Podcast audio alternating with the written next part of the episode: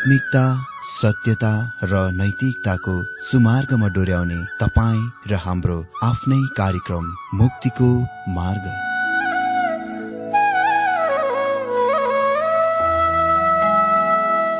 आदरणीय श्रोता यस मुक्तिको मार्ग कार्यक्रममा हार्दिक स्वागत छ आशा छ यस आत्मिक कार्यक्रमद्वारा जीवनमा आत्मिक आशिष अलौकिक शान्ति र आनन्द प्राप्त गर्नुहुनेछ। र जीवनमा धन्य अनुभव गर्नुहुनेछ। आउनुहोस् श्रोता। मन र आत्माको तयारीको लागि यो मिठो अनि मधुर भजन गीत सुनौ।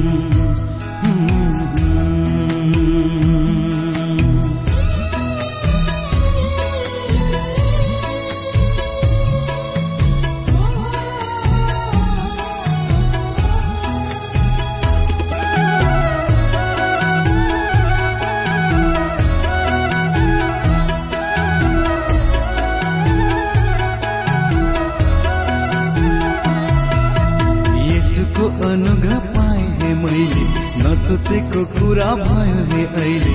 खुसी नै खुसी हुने बुझहिले ओ यसैले म गाउँछु नैको निम्ति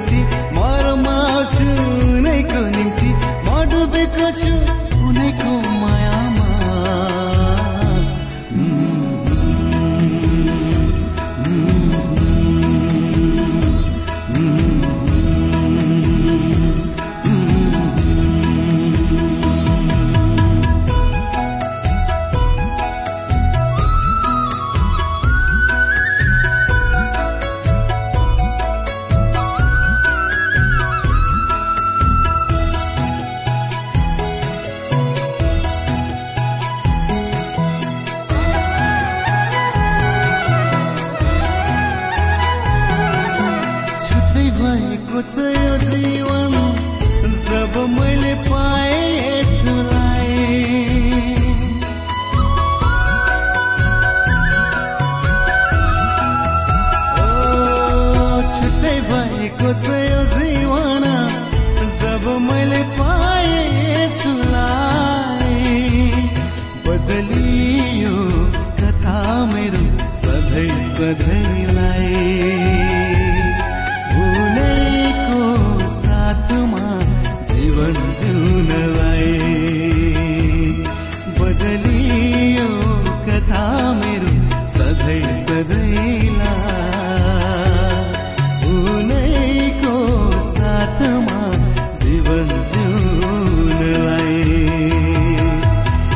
कसैको अनुग्रह पाएँ हे मैले नसोचेको कुरा भयो हे अहिले खुसी नै खुसी हुने बुझही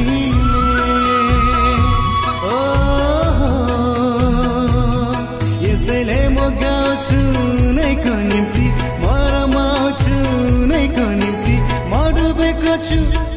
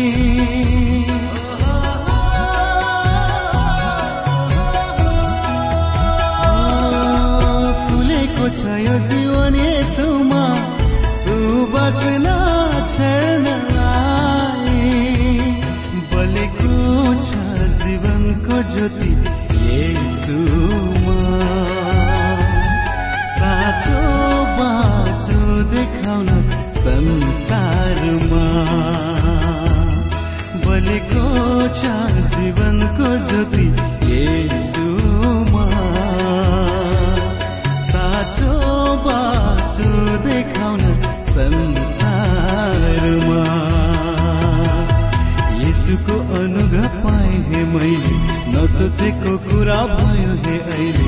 खुसी नै खुसी हुने बुझहिले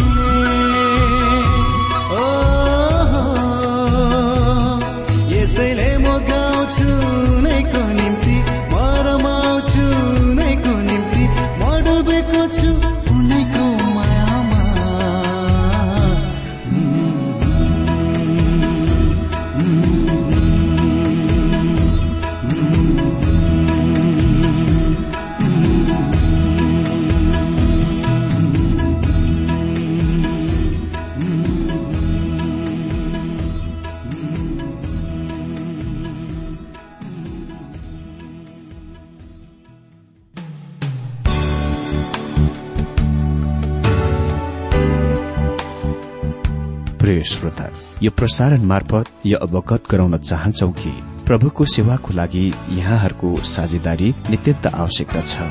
यहाँहरूले प्रार्थनाको साथसाथै आर्थिक सहायता गर्न अनुरोध गर्दछौ। तपाईँहरूको सानोभन्दा सानो भेटी किन नहोस्? हामी प्रभुको नाममा स्वीकार गर्नेछौ प्रभुको सेवाको लागि। तपाईँहरूको यो सानो लगानीले कसैको जीवनमा भिन्नता ल्याउँछ अनि प्रभुको महिमा हुन्छ। प्रभु तपाईँहरूलाई महान गरी आशिष दिनुहुनेछ। इच्छुक श्रोताहरूले तपाईँको इच्छा भेटी हाम्रो ठेगानामा पठाउन सक्नुहुन्छ जुन ठेगाना हामी कार्यक्रमको अन्तमा दिनेछौ। प्रिय श्रोता मित्र प्रभु येशु ख्रिष्टको मधुर अनि सामर्थ्यनामा मेरो जयमसी अनि धेरै धेरै स्वागत छ आजको यो बाइबल अध्ययन कार्यक्रममा। म आशा गर्दछु तपाईँ सबै खुशी हुनुहुन्छ आनन्दित हुनुहुन्छ अनि प्रभुमा परमेश्वरमा विश्वासमा बढ़िरहनु भएको छ र परमेश्वरको वचन अध्ययनमा आत्मिक रूपमा आशिषित भइरहनु भएको छ। परमेश्वरले निरन्तर तपाईँहरू र तपाईँको परिवार यो आत्मिक यात्रामा आशिष दिनुभएको होस् र तपाईँहरूका विभिन्न पेसाहरूमा कार्यहरूमा पनि उहाँको आशिष अनुग्रह हुन सकेको होस्। परमेश्वरको वचन निरन्तर सुन्नुहोला अरूलाई पनि सुन्न उत्साह दिनुहोला र आफ्ना सुझावहरू पत्रद्वारा इमेलद्वारा अनि एसएमएसद्वारा फोनद्वारा पनि हामीलाई जानकारी दिनुहोला। परमेश्वरले निश्चय नै तपाईँ सबैलाई धेरै धेरै आशिष दिनुहुनेछ र यही नै परमेश्वरसँग मेरो कामना छ। श्रोता आज हामी बाइबल अध्ययन मिका चार अध्यायबाट आरम्भ गर्न गइरहेका छौं। यहाँ चार अध्यायमा मुख्य विषयको हामी देख्छौ परमप्रभुको दिनको र धार्मिकताको सूर्यको भविष्यवाणी। मित्र हेब्रू बाइबलमा मलाकीको पुस्तकको चार अध्याय छैन। यो त्यहाँ खालि तेस्रो अध्यायको अन्त्य हो। तर अंग्रेजी र हाम्रो नेपाली र अन्य धेरै भाषाहरूको अनुवादको बाइबलमा यी छवटा संक्षिप्त पदहरूलाई छुट्टै अध्याय बनाइएको छ जुन मलाकी चार अध्याय भनेर जानिन्दछ। यहाँ चार अध्यायमा हामीसँग परमप्रभुको दिनको र धार्मिकताको सूर्यको भविष्यवाणी छ जसले ल्याउँदछ घोषित गर्दछ। चार अध्यायको एक पद चाहिँ महाक्लेश अवधिको सुस्पष्ट वर्णन हो। अनि आज हाम्रो बाइबल अध्ययन खण्ड हुनेछ मलाकी चार अध्यय एकदेखि छ पद। अनि अर्को दिनमा पनि हामी यही मलाकी चार अध्यय एकदेखि छ पदबाट बाइबल अध्ययन गर्नेछौ मनन छौ मलाकी चार अध्यय एक पद। हेर त्यो दिन आउँदैछ। त्यो चाहिँ परमप्रभुको दिन हो भन्ने कथन उल्लेख हुँदै अगाडि बढ्छ। लेखिएको छ हेर त्यो दिन आउँदैछ। त्यो भट्टी झै दन्कनेछ सबै हट्टी र सबै दुष्ट काम गर्नेहरू ठुटा झै हुनेछन् र त्यो आउने दिनले उनीहरूलाई आगोमा भस्म गर्नेछ। सर्वशक्तिमान परमप्रभु भन्नुहुन्छ। त्यसले उनीहरूको एउटै जरा र एउटै हाँगा पनि छोड्ने छैन। मित्र यहाँ लेखिएको छ हेर त्यो दिन आउँदैछ। त्यो चाहिँ परमप्रभुको दिन हो। अनि अर्को खण्डमा त्यो भट्टी झै दन्कनेछ सबै हट्टी र सबै दुष्ट काम गर्नेहरू ठुटा झै हुनेछन्। अर्को शब्दमा तिनीहरू भस्म हुनेछन्। प्रकाशको पुस्तकमा हामी पढ्छौं कि दण्डको एक प्रहारद्वारा विश्वको जनसंख्याको एक चौथै जनसंख्या खत्तम हुनेछ। र त्यो आउने दिनले तिनीहरूलाई आगोमा भस्म गर्नेछ परमप्रभु भन्नुहुन्छ। त्यसले उनीहरूको एउटै जरा र एउटै हाँगा पनि छोड्ने छैन। मित्र यसले अरू सिद्धान्तसँग राख्नुपर्ने केही सरोकार छैन जुनले सिकाउँछ कि मृत्युले सम्पूर्ण उद्धार नपाउनेहरूको लागि सबै कुराको अन्त गर्दछ। उद्धार नपाएकाहरू वा नपाउनेहरूको लागि सर्वनाश हो। बाइबलले त्यस्तो सिकाउँदैन। बाइबलले सिकाउँछ कि शरीर चाहिँ चिहानमा जान्छ चाहे तपाईँ उद्धार नपाएको गुम भएको निन्दित व्यक्ति हुनुहोस् या उद्धार पाएको व्यक्ति।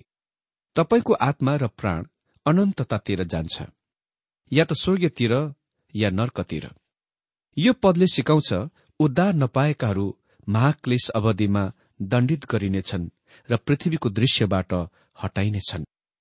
लेखिएको छ हेर त्यो दिन आउँदैछ त्यो भट्टी चाहिँ दन्कनेछ सबै हट्टी र सबै दुष्ट काम गर्नेहरू ठुट्टा झै हुनेछन् र त्यो आउने दिनले उनीहरूलाई आगोमा भस्म गर्नेछ।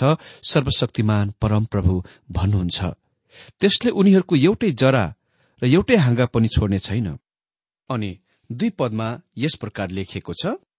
दुई पदमा तर मेरो नाउँको आदर गर्ने तिमीहरूमाथि चाहिँ धार्मिकताको सूर्य आफ्नो पखेटामा आरोग्यता लिएर उदाउनेछ अनि ठालालाई छोडेर निस्केका बाछा जस्तै तिमीहरू चाहिँ बाहिर निस्कनेछौ पुरानो नियममा धार्मिकताको सूर्य उही त्यो व्यक्ति हुनुहुन्छ जो नयाँ नियममा चम्किलो बिहानी वा प्रभातको तारा हुनुहुन्छ जो प्रभु येशु ख्रिष्ट हुनुहुन्छ।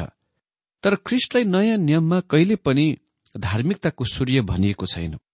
हामी यस पदमा अझ धेरै गरेर निकटबाट हेर्नेछौ र यसको कारण हामी देख्नेछौ। सम्भवत अर्को कार्यक्रममा अर्को दिनमा।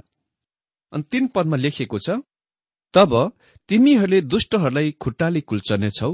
जुन दिन म त्यो काम गर्छु त्यस दिन उनीहरू तिमीहरूका पैताला मुनि खरानी जस्तै हुनेछन्। सर्वशक्तिमान परमप्रभु भन्नुहुन्छ। जब उहाँ आफ्ना राज्यको स्थापन गर्न आउनुहुन्छ दुष्टहरूलाई दमन गरिनेछ नष्ट गरिनेछ। उहाँले कुमालेका माटाका घैँटाहरूलाई जस्तै टुक्रा टुक्रा गरी दिनुहुनेछ। त्यो नै शास्त्रको भाषा हो। र यदि यसको तपाईँ मन पराउनुहुन्न भने यो एकदम खराब हो। चार पदमा लेखिएको छ मेरो दास मोसाको व्यवस्थाको सम्झना गर। ती विधि र नियमहरू जो सारा इसरायलको निम्ति होरे पर्वतमा मैले त्यसलाई दिएँ। मलाकीद्वारा यो भविष्यवाणी पछि अब उपरान्त इसरायल त्यस अवधितिर बढ्न गइरहेको छ जुनमा स्वर्गीय मौन चुपचाप रहनेछ। परमेश्वरले प्रसारण गरिरहनु हुने छैन बोलिरहनु हुने छैन। त्यहाँ अर्को जकरिया नाम गरेको व्यक्ति देखा पर्नेछ। त्यो पनि लामो समय चार सय वर्ष पछि उनी मन्दिरमा सेवा गरिरहेको हुनेछन्। तब स्वर्गीयदूत ग्राभियल उनीका प्रकट हुनेछन् र बत्तीसमा दिने युहन्नाको जन्मको बारेमा सूचित गर्नेछन् घोषणा गर्नेछन्। लुका एक अध्यय पाँचदेखि पच्चिस पदमा चार सय वर्षको मौनता चुपचाप हुने कुरा त्यसबेला हट्नेछ टुट्नेछ। अब उही समयमा इसरायलले मोसाको व्यवस्थाको सम्झना गर्नुपर्दछ। यो तिनीहरूका जीवन हुनेछ। यो तिनीहरूको निम्ति परमेश्वरको वचन हुनेछ। तिनीहरू मोसाइक व्यवस्था प्रणाली मुनि थिए। भनिएको छ चार पदमा मेरो दास मोसाको व्यवस्थाको सम्झना गर। ती विधि र नियमहरू जो सारा इसरायलको निम्ति होरे पर्वतमा त्यसलाई दिए अनि पाँच पद हेर परमप्रभुको त्यो महा र डरलाग्दो दिन आउन अघि म एलिया अगमवक्तालाई पठाउनेछु। प्रकाशको पुस्तकले दुई साक्षीहरूको विषयमा बताउँछ जो अन्तिम दिनहरूमा प्रकट हुँदछन्। प्रकाश एघार अध्यय तीनदेखि एघार पद अनुसार मलाई थाहा छैन दोस्रो साक्षी को हुनेछन् तर म लगभग एकदम निश्चित छु कि एकजना चाहिँ एलिया नै हुनेछन्। निस्तार चाडमा रूढीवादी यहुदी घरमा मेच वा टेबलको एक छेउमा एउटा कुर्सी राखिन्दछ जुनमा कोही पनि बस्दैनन्। यो कुर्सी चाहिँ एलियाको लागि हो जो आउनेछन्। जब बत्तीसमा दिने युहन्ना प्रकट भए यहुदीहरूले सोधे कि उनी एलिया थिए? तर बत्तीसमा दिने युहन्ना कुनै पनि हालतले एलिया थिएनन्। शास्त्रले हामीलाई भन्दछ उनी हुन सक्थे तर उनी थिएनन्। त्यो चाहिँ महत्वपूर्ण कुरा हो। यदि क्रिस्टले आफ्नो राज्यको स्थापन गरे तब बत्तीसमा दिने युहाना एलिया हुने थिए। त्यो कसरी हुन सक्थ्यो मलाई थाहा छैन किनभने त्यो त्यस तरिकामा भएन वा हुन सकेन। त्यस्ता खालका प्रश्नहरूको लागि हामी वास्तवमा उत्तर पाउन सक्दैनौ। भनिएको छ पाँच पदमा हेर परमप्रभुको त्यो महा र डरलाग्दो दिन आउन अघि म एलिया अगमवक्तालाई पठाउनेछु। बत्तीसमा दिने युहन्ना यो भविष्यवाणीको परिपूर्णता थिएनन्। किनभने उसले मसिहा विश्वको संसारको उद्धारकर्तालाई घोषणा गरिरहेका थिए। युहानले भने युहान एक अध्ययको उन्तिस पदमा हेर परमप्रभुको थुमा जसले संसारका पापलाई उठाइ लैजानुहुन्छ त्यो चाहिँ आइरहेको परमप्रभुको भयानक डरलाग्दो महान दिनबाट अलिकति अन्तर छ बेग्लै छ। अनि छ पदमा लेखिएको छ त्यसले बाबुहरूका हृदय तिनीहरूका छोरा छोरीहरूतिर र छोराहरूका हृदय तिनीहरूका बाबुहरूतिर फर्काइदिनेछ। नत्र त म आएर देशलाई एउटा श्राप दिनेछु। पुरानो नियमको अन्तिम शब्द श्राप हो। श्राप तब आयो जब आदम र हब्बा अदनको बगैँचामा थिए र परमेश्वरको आज्ञा उल्लङ्घन गरे। त्यस समयमा परमेश्वरले भन्नुभयो जमिन श्रापित हुनेछ र त्यो श्राप तिनीहरूमाथि रहने थियो। त्यो श्राप चाहिँ पाप थियो। अनि त्यस पापको तबसम्म हटाइने छैन जबसम्म हाम्रा प्रभु यो पृथ्वीमा दोस्रो पल्ट आउनुहुन्न। त्यो अझै मानव शरीरमा र हृदयमा छ। यसको देख्न र थाहा पाउनलाई तपाईँले गर्नुपर्ने कुरा नै आफ्नो वरिपरि निहालेर झुकिएर हेर्नुहोस् विचार गर्नुहोस् जानुहोस् यदि तपाईँ त्यस्तो स्थानमा हुनुहुन्छ वा रहनुहुन्छ जहाँ कमिलाहरू किरा फट्याङ्राहरू वा कुनै प्रकारका अन्य किराहरू छैनन् वा हुँदैनन् जुनले उत्पादन गर्न उमार्न तपाईँले लाग्नुभएका उमार्न उत्पादन गर्न लाग्नुभएका कुराहरू अन्न बालीहरू फलफूलहरू र सागसब्जीहरू खाँदैन। यदि त्यस्तो कुनै कुरा छैन भने तब तपाईँ ख्रिष्टको महान हजार वर्षीय राज्य युगमा प्रवेश गरिसकेको हुनुहुन्छ। यदि तपाईँ त्यस्तो समुदायमा रहिरहनु भएको छ जहाँ कुनै पाप छैन निन्दा आलोचना झै झगडा मनमुटाप छैन मैले यो भन्नुपर्दछ। कि तपाईँ पहिले नै हजार वर्षीय शान्ति र आदर्शको ख्रिष्टको राज्य युगमा प्रवेश गरिसक्नु भएको छ। तर म एउटा यस्तो विचार मान्ने व्यक्ति हुँ। यदि आज हाम्रो वरिपरि आसपास हेर्छौं भने पनि हामी थाहा पाउँछौ कि पापको श्राप यो पृथ्वीमाथि र मानव जातिमा अझै छ। यो पुरानो नियमको अन्त गर्ने अति नै निराशजनक विरक्तको तरिका हो। तर यो आशाहरूका पुस्तक हो। त्यसकारण म सोच्दछु मुख्य जोड यो अध्यायको पद दुईमा छ।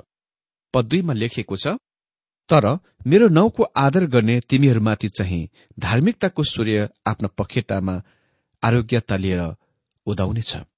अनि गोठालालाई छोडेर निस्केका बाछा जस्तै तिमीहरू चाहिँ बाहिर निस्कने छौ पुरानो नियम खालि श्रापसँग मात्र अन्त हुँदैन। यो महान आशासँग पनि अन्त हुन्छ। यद्यपि सूर्य अस्ताइसके पनि र त्यो अति नै धेरै अन्धकार भए तापनि त्यो दिन आइरहेको छ जुन नयाँ दिन हो। हामी अहिले पापको रातमा रहिरहेका छौं अनि विश्व संसार अन्धकारमय छ। यो यस्तो देखिन्दछ हामी आज सबभन्दा अन्धकारको समयमा वा क्षणमा छौं तर त्यहाँ त्यो दिन आइरहेको छ। जब धार्मिकताको सूर्य उदय हुनेछ र आत्मिक ज्योति यो सानो ग्रहमाथि पृथ्वीमाथि चम्कनेछ। त्यो धार्मिकताको सूर्य। हाम्रा प्रभु येशु ख्रिष्ट हुनुहुन्छ। म तपाईँको ध्यान आकर्षण केही त्यस्तो कुरातिर खिच्न चाहन्छु जुन अति नै धेरै उल्लेखनीय र अति नै धेरै महत्वपूर्ण छ। पुरानो नियममा ख्रिष्टलाई धार्मिकताको सूर्यको रूपमा प्रस्तुत गरिएको छ। तर नयाँ नियममा चाहिँ उहाँलाई बिल्कुलै अर्कै तरिकामा पेश गरिएको छ। त्यहाँ नयाँ नियममा उहाँलाई हामी कहाँ चम्किलो र प्रभातको ताराको रूपमा प्रस्तुत गरिएको छ। उहाँको कुरालाई सुन्नुहोस्। प्रकाश बाइसको सोह्र पदमा उहाँ भन्नुहुन्छ म येसुले मण्डलीहरूमा तिमीहरूलाई यी कुराहरूको लागि गवाई दिनको निम्ति मेरो दूतलाई पठाएको छु। दाउदको जरा र सन्तान चम्किलो र बिहानको तारा मनै हुँ। दाउदको जरा र सन्तानको मतलब हो उहाँ राजा हुनुहुन्छ जसले यो पृथ्वीमाथि शासन गर्नुहुनेछ। तर उही समयमा उहाँ के अर्को कुरा पनि हुनुहुन्छ? उहाँ चम्किलो र बिहानको तारा पनि हुनुहुन्छ। जुन केही नयाँ कुरा हो। अमित्र अर्को दिन हामी यही विषयबाट बाइबल अध्ययन गर्नेछौ परमप्रभुको दिनको र धार्मिकताको सूर्यको भविष्यवाणीको बारेमा परमेश्वरले तपाईँ सबैलाई धेरै धेरै आशिष दिनुभएको होस्।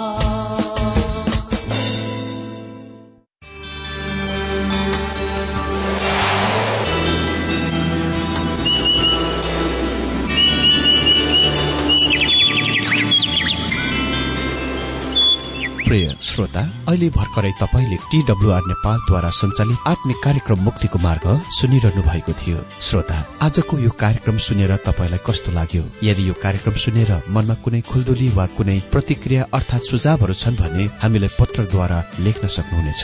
हामी हृदयदेखि नै स्वागत गर्नेछौ स्वीकार गर्नेछौ साथै बाइबल सम्बन्धित प्रचारहरू कार्यक्रम सारणीहरू हामी अनुरोधमा पठाउन सक्छौ। अनि तपाईँसँग कुनै प्रार्थनाको विषय छन् भने हामीले तपाईँको लागि प्रार्थना गरेको चाहनुहुन्छ भने प्रभुमा आफ्नै परिवार सम्झेर हामीलाई पत्रमा लेख्न सक्नुहुनेछ।